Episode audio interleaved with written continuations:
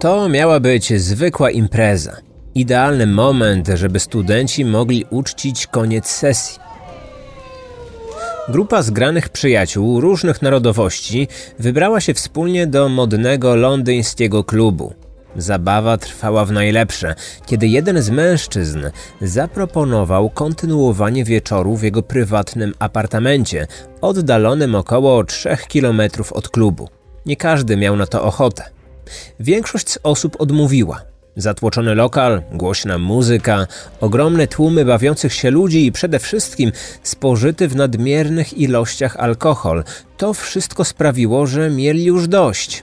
Chcieli jak najszybciej wrócić do swoich domów i łóżek, odpocząć i porządnie się wyspać.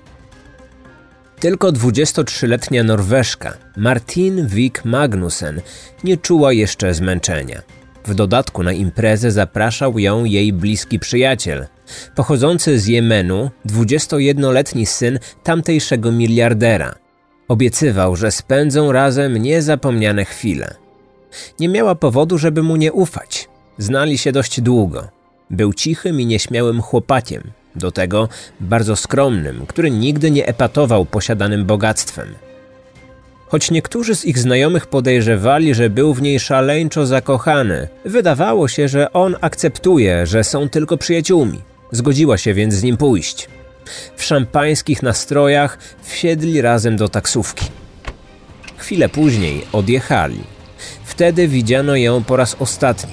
Gdy następnego ranka Norweżka nie dała nikomu znaku życia, wszyscy zaczęli się martwić. A co najdziwniejsze, zniknął także jej arabski przyjaciel. Czy razem gdzieś uciekli, aby kontynuować dobrą zabawę? A może stało się coś złego i oboje zaginęli? Te tragiczne historie, taka jak ta, o której za chwilę posłuchacie, często są następstwem zupełnie przypadkowych i z pozoru normalnych sytuacji. Może wam się wydawać, że sprawy, o których tu opowiadam, to jakieś odrealnione wydarzenia z drugiego końca świata. Okazuje się jednak, że większość z Was, słuchaczy, także miało w swoim życiu groźne i niebezpieczne sytuacje, które mogły zakończyć się bardzo źle. Wiem coś o tym, bo od kilku miesięcy przesyłacie mi historie z Waszego życia. I muszę przyznać, że czasami czytając te opisy, miałem na plecach ciarki. Od kilku dni te historie są dostępne dla każdego, za darmo, a znajdziecie je w moim nowym podcaście o tytule Strach Story. Tam czeka już na Was pierwszy odcinek, a kolejne będą pojawiać się w każdy czwartek. Sprawdźcie koniecznie Strach Story. Link do podcastu zamieszczam w opisie. Kryminatorium. Otwieramy akta tajemnic. Martin do Londynu przyjechała kilka miesięcy wcześniej. Urodziła się 6 lutego 1985 roku. Pochodziła z niewielkiej, zamieszkanej przez około 3000 ludzi wysepki, położonej 20 km od Oslo. Jej mieszkańcy uważają, że jest to dobre miejsce do życia i wychowywania dzieci. Młodzi mają wszystkiego pod dostatkiem, a różnych zajęć przez cały rok. Nikt się nie nudzi. Dzieci bez przerwy bawią się w piaskownicy, wspinają na drzewa lub budują domki dla lalek. Zimą lepią bałwany, latem pływają w pobliżu molo. W sąsiedztwie tworzą się przyjaźnie, a najmłodsi trzymają się i bawią razem. Martin od zawsze była aktywna. Łatwo nawiązywała nowe znajomości. Lubiła próbować nowych rzeczy. Zainteresowała się piłką ręczną. Pewnego dnia udało jej się nawet zdobyć tytuł królowej strzelców. Później narodziła się jej pasja do koni i jazdy konnej. Chciała zostać lekarką. Postanowiła, że po ukończeniu szkoły średniej rozpocznie studia medyczne. Najpierw oddała się pracy w butiku w Oslo. Odkładała pieniądze, aby móc wyjechać z Norwegii i rozpocząć życie w innym kraju. Choć uwielbiała swoją rodzinną wyspę, gdzie wszyscy się znali i traktowali jak rodzinę, to wciąż marzyła, aby się z niej wyrwać. W 2006 roku przeprowadziła się do Polski. Została studentką Warszawskiego Uniwersytetu Medycznego. Na początku uważała, że podjęła słuszną decyzję. Jednak po pewnym czasie rzeczywistość zweryfikowała jej marzenia. Okazało się, że medycyna i mieszkanie w Warszawie jej nie odpowiadają. Studia były zbyt wymagające, a pobyt w naszym kraju jej nie zadowolił. Oczekiwała od życia czegoś innego. Zmiany jej nie przeszkadzały, więc pomysł kolejnej przeprowadzki był czymś naturalnym. Przeniosła się do Wielkiej Brytanii. Rok później rozpoczęła studia w Londynie. Tym razem zdecydowała się na biznes międzynarodowy. To był strzał w dziesiątkę, bo na tym kierunku od razu poczuła się jak ryba w wodzie. Na uczelni była lubiana. Miała też swoją grupkę zaufanych znajomych. Była bardzo atrakcyjną blondynką o piwnych oczach, w dodatku szczupłą i wysoką. Podobała się mężczyznom, którzy wciąż zabiegali o jej względy, jednak ona z nikim nie wdała się w jakąś poważną relację. Wszyscy sobie żartowaliśmy, że dla innych dziewczyn w okolicy nie ma już żadnego chłopaka, bo wszystkim podobała się właśnie ona. Martin lubiła imprezy. Często sama organizowała domówki. Przyrządzała wtedy swoje ulubione norweskie potrawy. Zapraszała najbliższych znajomych, z którymi później wychodziła do miasta. W czwartek 13 czerwca 2008 roku również wybrała się na imprezę w Londynie. Chciała uczcić mały sukces osiągnięty na uczelni. Młodzi bawili się w popularnym i ekskluzywnym klubie nocnym. To miejsce było znane z drogich cen. Gośćmi lokalu bardzo często byli znani celebryci. Wejściówki są przeznaczone głównie dla osób medialnie znanych, choć zdarzają się małe wyjątki. Można zarezerwować miejsce w modnej restauracji na piętrze. Jest ona oczywiście bardzo droga, ale pozwala dostać się na główną imprezę. Przy wpuszczaniu ludzi do środka ochroniarze kierują się ich wyglądem. Właściciel klubu chce, aby bawili się u niego najpiękniejsi i najbogatsi goście. Jak kobiecie udało się wejść do tego ekskluzywnego klubu? Podobno jej rodzina była zaprzyjaźniona z najbogatszym człowiekiem w Norwegii. To często ułatwiało dostanie się w różne miejsca, na przykład na takie imprezy.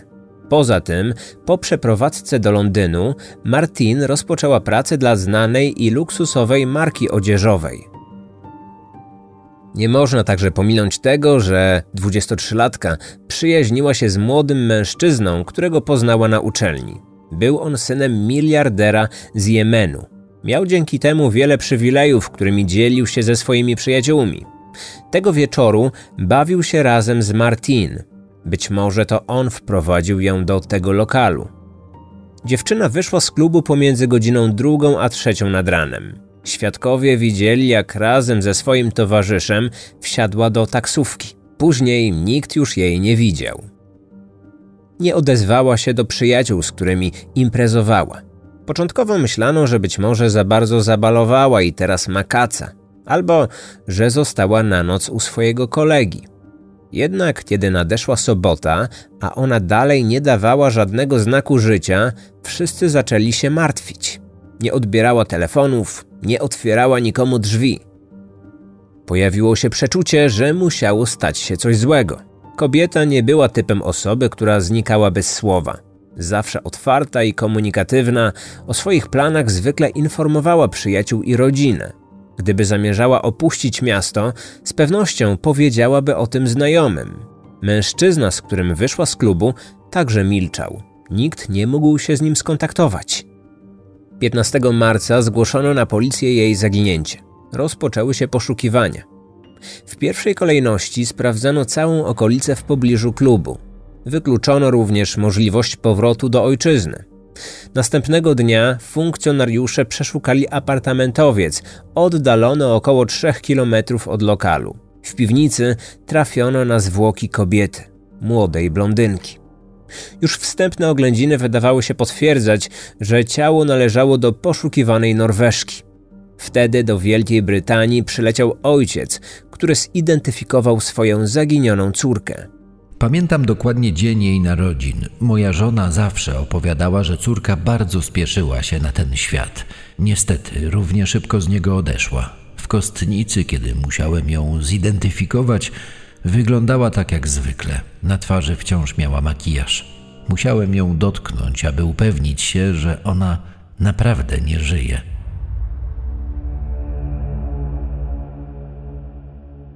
Jej ciało było częściowo rozebrane. Widniały na nim ślady przemocy, łącznie ponad 40 siniaków i różnych zadrapań. Przeprowadzona sekcja zwłok tylko to potwierdziła, że dziewczyna została zamordowana. Ktoś udusił ją gołymi rękami. Zanim umarła, została zgwałcona. To jednocześnie zasugerowało, że sprawcą był mężczyzna. W dniu imprezy ofiara miała na sobie markowe ubrania oraz drogą biżuterię. Telefon, portfel i inne drobiazgi trzymała w równie drogiej torebce. Na miejscu zbrodni nie odnaleziono żadnej z tych rzeczy. W związku z tym pojawiło się kilka pytań i teorii. Czy gwałciciel i zabójca celowo ukrył te rzeczy, aby uniemożliwić szybkie rozpoznanie dziewczyny? A może zabrał je ze sobą, ponieważ znajdowały się na nich jego ślady, np. odciski palców, nasienie lub krew? Zastanawiano się także nad tym, czy przedmioty należące do zmarłej mógł ukraść zupełnie ktoś inny. Może bezdomny lub ktoś, kto przypadkowo natknął się później na zwłoki.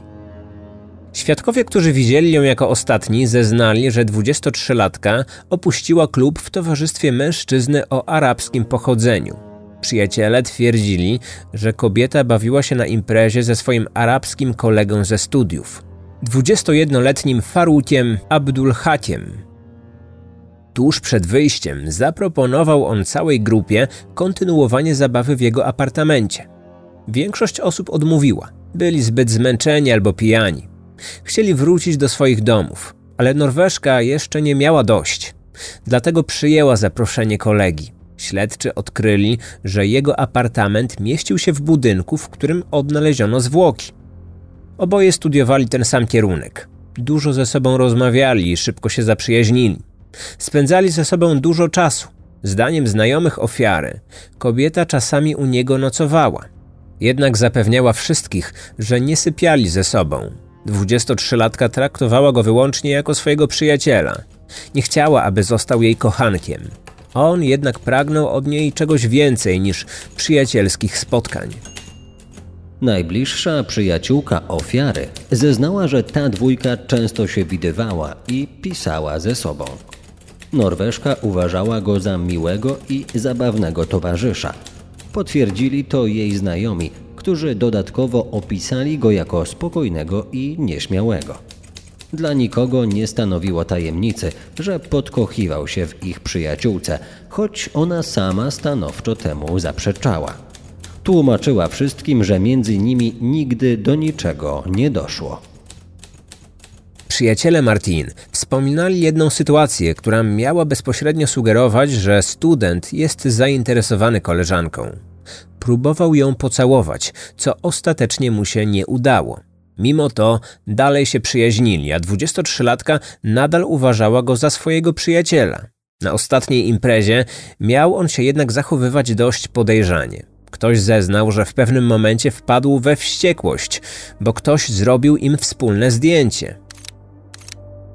Urodził się w Jemenie, ale miał również egipskie pochodzenie. Jego ojciec był miliarderem i jedną z najbardziej wpływowych osób w kraju. Rodacy nazywali go królem cukru, na którym dorobił się bardziej niż na swojej ropie. Pomimo wysokiej pozycji w ojczyźnie i na świecie, zawsze stronił od mediów. Rzadko udzielał wywiadów. Uchodził za osobę nieśmiałą i introwertyczną, podobnie jak jego syn. W gazetach, telewizji czy internecie z trudem można było znaleźć jego zdjęcia. Cenił sobie spokój oraz prywatność. Jednak sprawa zabójstwa Norweszki w Wielkiej Brytanii wszystko zmieniła. Nagle w mediach pojawiło się imię i nazwisko jego syna. Norwescy dziennikarze opublikowali wizerunki obu panów. Od samego początku dużo przemawiało na niekorzyść arabskiego studenta. Po pierwsze, prawdopodobnie był ostatnią osobą, która miała kontakt z Martin. Po drugie, jej martwe ciało odnaleziono w piwnicy budynku, w którym mieszkał. Po trzecie, świadkowie twierdzili, że podkochiwał się w ofierze, ale było to wyłącznie jednostronne uczucie. Czy faktycznie zgwałcił swoją przyjaciółkę ze studiów, a potem ją zabił? Żeby móc odpowiedzieć na to pytanie, śledczy musieli z nim porozmawiać. Nieoczekiwanie pojawiły się jednak komplikacje. Mężczyzna zniknął bez śladu. Nie było go w jego apartamencie.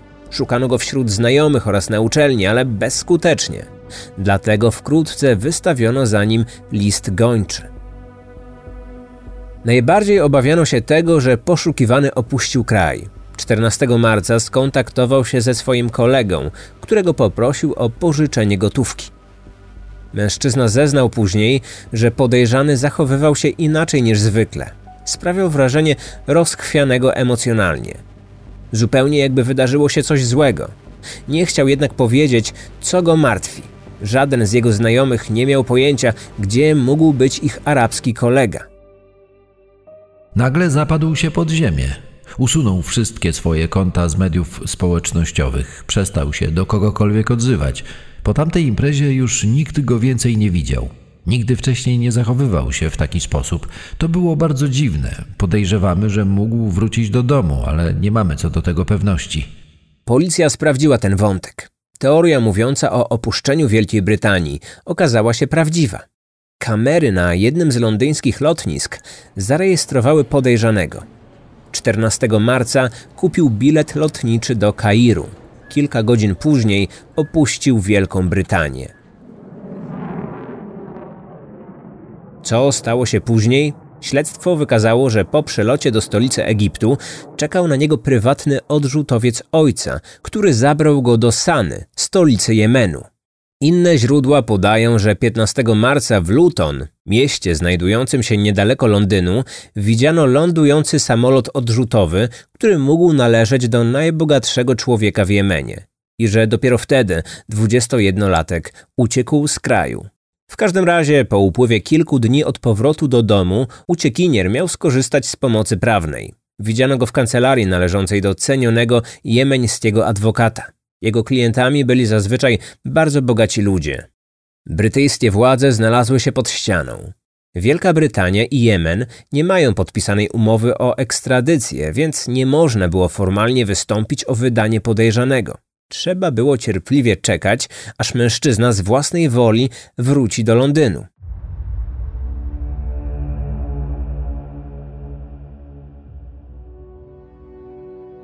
Adwokat podejrzanego wydał oświadczenie. Wynikało z niego, że mężczyzna może zostać przesłuchany przez brytyjską policję, ale wyłącznie na terytorium Jemenu. Sugerowano, że jeśli zostanie on oskarżony o zabójstwo, to proces również odbędzie się w jego ojczyźnie a w Jemenie za morderstwo mogła mu grozić nawet kara śmierci.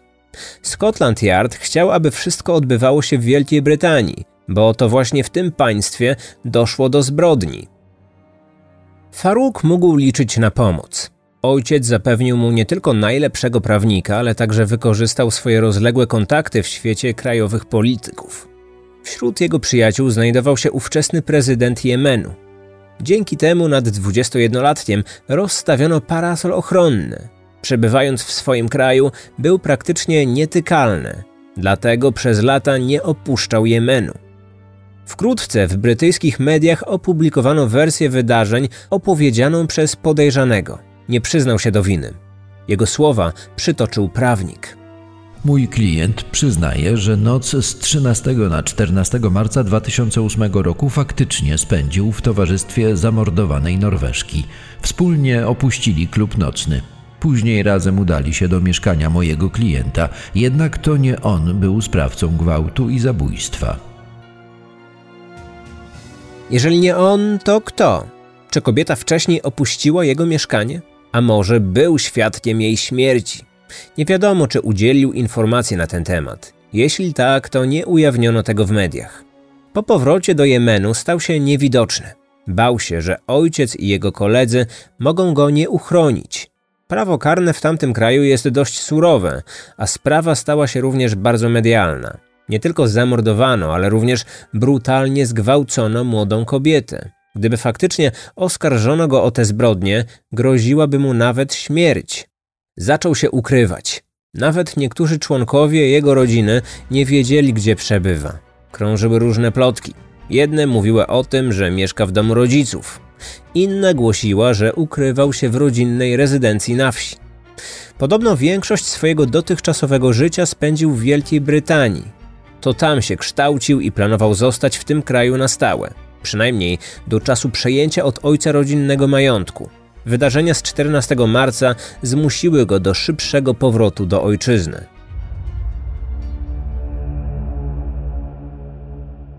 Władze Norwegii próbowały negocjować z rządem Jemenu w sprawach deportacji podejrzanego. Pierwsze próby podjęto już w roku 2009. Ostatecznie uznano, że zbieg może jedynie sam oddać się w ręce sprawiedliwości. W tym samym roku pojawiły się również doniesienia, że jego ojciec chciał umorzenia sprawy. Za pośrednictwem brytyjskich prawników miał złożyć rodzinie ofiary propozycję. Zapłaci im dużą sumę pieniędzy, jeśli ci odpuszczą i przestaną żądać, by postawiono jego syna w stan oskarżenia. Jak można się spodziewać, rodzice zamordowanej odmówili. Norweska opinia publiczna domagała się aresztowania nie tylko syna, ale także ojca. Uważano, że jemeński miliarder starał się zatuszować przestępstwo i za wszelką cenę wybronić swojego dziedzica. Pojawiło się przekonanie, że ten człowiek jest w pewien sposób również winny. Argumentowano to tym, że pomógł swojemu synowi w ucieczce z miejsca zbrodni, w dalszym ciągu wspierał finansowo i udzielał schronienia. Robił wszystko, aby podejrzany uniknął uczestnictwa w śledztwie prowadzonym przez brytyjską policję. Udzielenie pomocy sprawcy już po dokonaniu przestępstwa, czyli np. czynności mające na celu utrudnienie organom ścigania prowadzenia śledztwa, nosi nazwę poplecznictwa i samo w sobie jest przestępstwem ściganym w wielu krajach. Jednak ostatecznie jemeńskiemu miliarderowi nie postawiono żadnych zarzutów, choć zdaniem opinii publicznej nie ulegało wątpliwości, że był winny. Bez niego ucieczka z Wielkiej Brytanii nie byłaby możliwa. Wszystko wskazywało na to, że ojciec posłał po syna swój prywatny odrzutowiec, a później doskonale wiedział, gdzie się ukrywał. Krótko po zabójstwie, w kwietniu 2008 roku, doszło do pewnego przełomu w sprawie.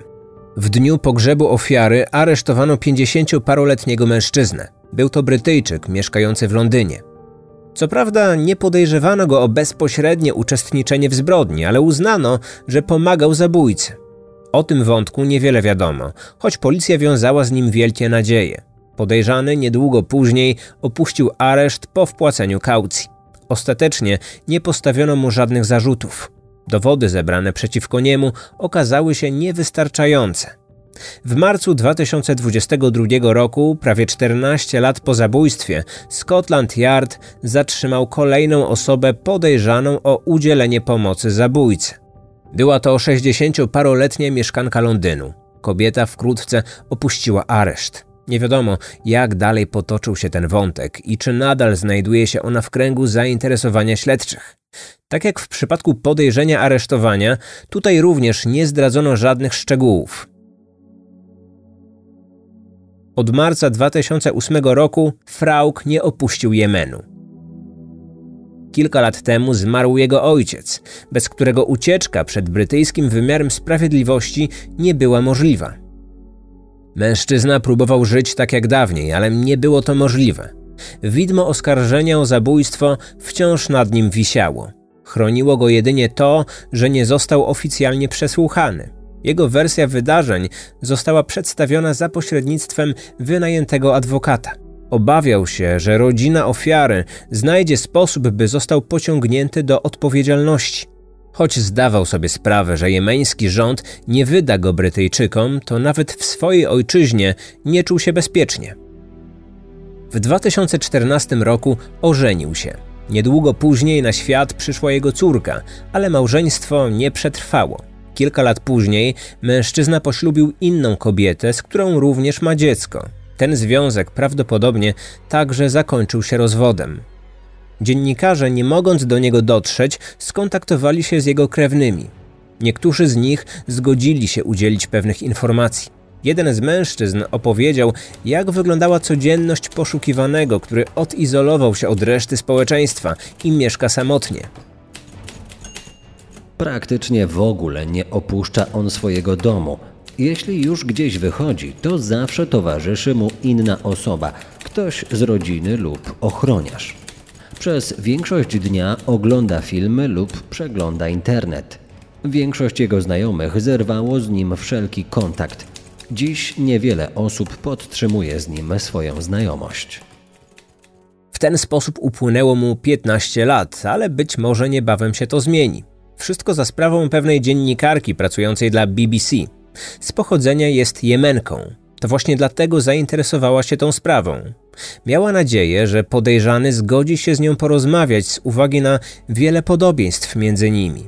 Oboje pochodzą z tego samego kraju, ale większość życia spędzili w Wielkiej Brytanii. W 2008 roku kobieta także była studentką. Trzy lata później, już jako dziennikarka, poleciała do Jemenu, aby odszukać uciekiniera i z nim porozmawiać. Ale on za wszelką cenę starał się unikać kontaktu z mediami. Tak poradził mu prawnik. Pierwsza próba kontaktu dziennikarki z poszukiwanym była bezowocna. Kobieta otrzymała ostrzeżenie od samych władz, aby nie drążyła tego tematu. Wróciła więc do Londynu i na jakiś czas odpuściła. Nigdy jednak nie zapomniała. Kolejny raz spróbowała dopiero po śmierci jego ojca. Podejrzewała, że to jemeński miliarder zmuszał syna do ukrywania się. Dlaczego? Bo jego aresztowanie okryłoby hańbą całą szanowaną w kraju rodzinę. Poza tym, od czasu do czasu pojawiały się doniesienia, że podejrzany tak naprawdę chciał wrócić do Wielkiej Brytanii, aby zakończyć całą sprawę. Podobno zabronił mu tego ojciec. W 2022 roku dziennikarka zdobyła numer tego mężczyzny. Odkryła również, że posiada on konto w mediach społecznościowych, m.in. na Snapchacie. Napisała tam do niego i cierpliwie czekała. A on nieoczekiwanie odpisał. Już na samym wstępie kobieta zaznaczyła, kim jest i czym się zajmuje. Nie skomentował tego w żaden sposób, kontynuując rozmowę. Dziennikarka starała się zdobyć jego zaufanie. Opowiedziała mu o swoim dzieciństwie w Jemenie, a on zrewanżował jej się tym samym. Stopniowo przechodzili ku meritum i kilka dni później weszli na właściwy grunt. Wymieniali ze sobą wiadomości tekstowe i głosowe, czasami rozmawiali też przez telefon. Z czasem mężczyzna coraz bardziej się przed nią otwierał. Gdy byłem młody, zrobiłem w życiu coś bardzo głupiego. To był mój największy życiowy błąd. Ty wiesz co, bo doskonale wiesz, kim jestem. Nie mogę wrócić do Wielkiej Brytanii. Właśnie z powodu tego, co wydarzyło się tam kilka lat temu. A ty jesteś właściwie ostatnią osobą, z którą powinienem o tym rozmawiać. Przecież jesteś dziennikarką. Na początku mężczyzna nie mówił dokładnie, co takiego się stało. Na pytania odpowiadał niejasno. Używał nieprecyzyjnych słów. Twierdził, że to był incydent lub wypadek. Nie chciał zdradzać żadnych szczegółów. Twierdził, że niektóre rzeczy nigdy nie powinny zostać wypowiedziane na głos. Mimo wszystko dziennikarka czuła, że mężczyzna zaczyna jej ufać. Pojawiła się nawet szansa bezpośredniego spotkania. Kobieta poleciała do Jemenu, ale do spotkania ostatecznie nie doszło. Podejrzany oznajmił, że mogą się spotkać wyłącznie w jego domu, bez obecności osób trzecich. Reporterka długo się wahała. W końcu to mogłoby doprowadzić do przełomu w sprawie. Jednak z drugiej strony obawiała się o swoje bezpieczeństwo. Człowiek ten był przecież prawdopodobnym zabójcą. Do swojego domu zaprosił dziennikarkę, która drążyła jego sprawę i mogła udokumentować to, o czym rozmawiali. Po długim namyśle odmówiła. Wróciła do Londynu, ale nie przestała namawiać swojego rozmówcy do zwierzeń i pewnego dnia mężczyzna pękł. Przyznał, że to, co wydarzyło się 14 marca 2008 roku, nie było umyślną zbrodnią, ale zwykłym wypadkiem. Doszło do niego w trakcie zabaw seksualnych. Sam do końca nie był świadomy tego, co się wydarzyło, ale kiedy zdał sobie sprawę, że jego przyjaciółka zmarła, nie potrafił się pozbierać. Twierdził, że oboje tamtej nocy zażyli kokainę. Narkotyk otępił ich umysły, dlatego praktycznie niczego nie pamiętał z tamtej imprezy. Przyznał się do nieumyślnego spowodowania śmierci, ale nie do zgwałcenia. Według niego Norweszka dobrowolnie poszła z nim do łóżka. Jej nagła śmierć była tylko zwykłym wypadkiem. Jednak takim tłumaczeniom wyraźnie przeczyły obrażenia znalezione na jej ciele. Na pytanie, dlaczego przeniósł zwłoki do piwnicy, odpowiedział, że sam nie wie, co nim wtedy kierowało. Artykuł BBC został opublikowany pod koniec marca 2023 roku i póki co nie wiadomo, czy podejrzany o dokonanie zabójstwa mężczyzna zamierza oddać się w ręce brytyjskiej policji. Mimo to rodzina ofiary poczuła ulgę, że sprawca w końcu przerwał milczenie. Wciąż mają nadzieję, że pewnego dnia odpowie za swój czyn. Na koniec przypomnę jeszcze o czwartkowych publikacjach Strach Story. To mój nowy wideo podcast, który znajdziesz na Spotify lub YouTube. Przedstawiam tam prawdziwe historie z życia słuchaczy. Posłuchaj ich. Być może dzięki temu w przyszłości uda Ci się uniknąć niebezpiecznej sytuacji. Źródła wykorzystane do stworzenia materiału. Artykuł Getting Away with Murder The Death of Martin Wick Magnussen opublikowany na stronie The Guardian. Artykuł The Exclusive Club The Playboy and a Murder That Shot Mayfair opublikowany na stronie The Guardian. Artykuł Playboy Killer opublikowany na stronie The Sun. Artykuł Martin Wick Magnussen Billionaire's Son Admits Role in Death opublikowany na stronie BBC. Artykuł Avi Syrha in Rumenue opublikowany na stronie Netavisen Nyheten. Artykuł Will arrestere Faruks Papa opublikowany na stronie NA24. Artykuł Man Grenet in Martinesaken opublikowany na portalu Stavanger Aftenblad. Artykuł Woman is arrested over murder Norwegian socialite student opublikowany na portalu Daily Mail. Artykuł Faruk Abdulhak Wife Is Martin Wick Magnussen Murder Suspect Married? opublikowany na portalu Genius Celebs. Strona internetowa Justice for Martin.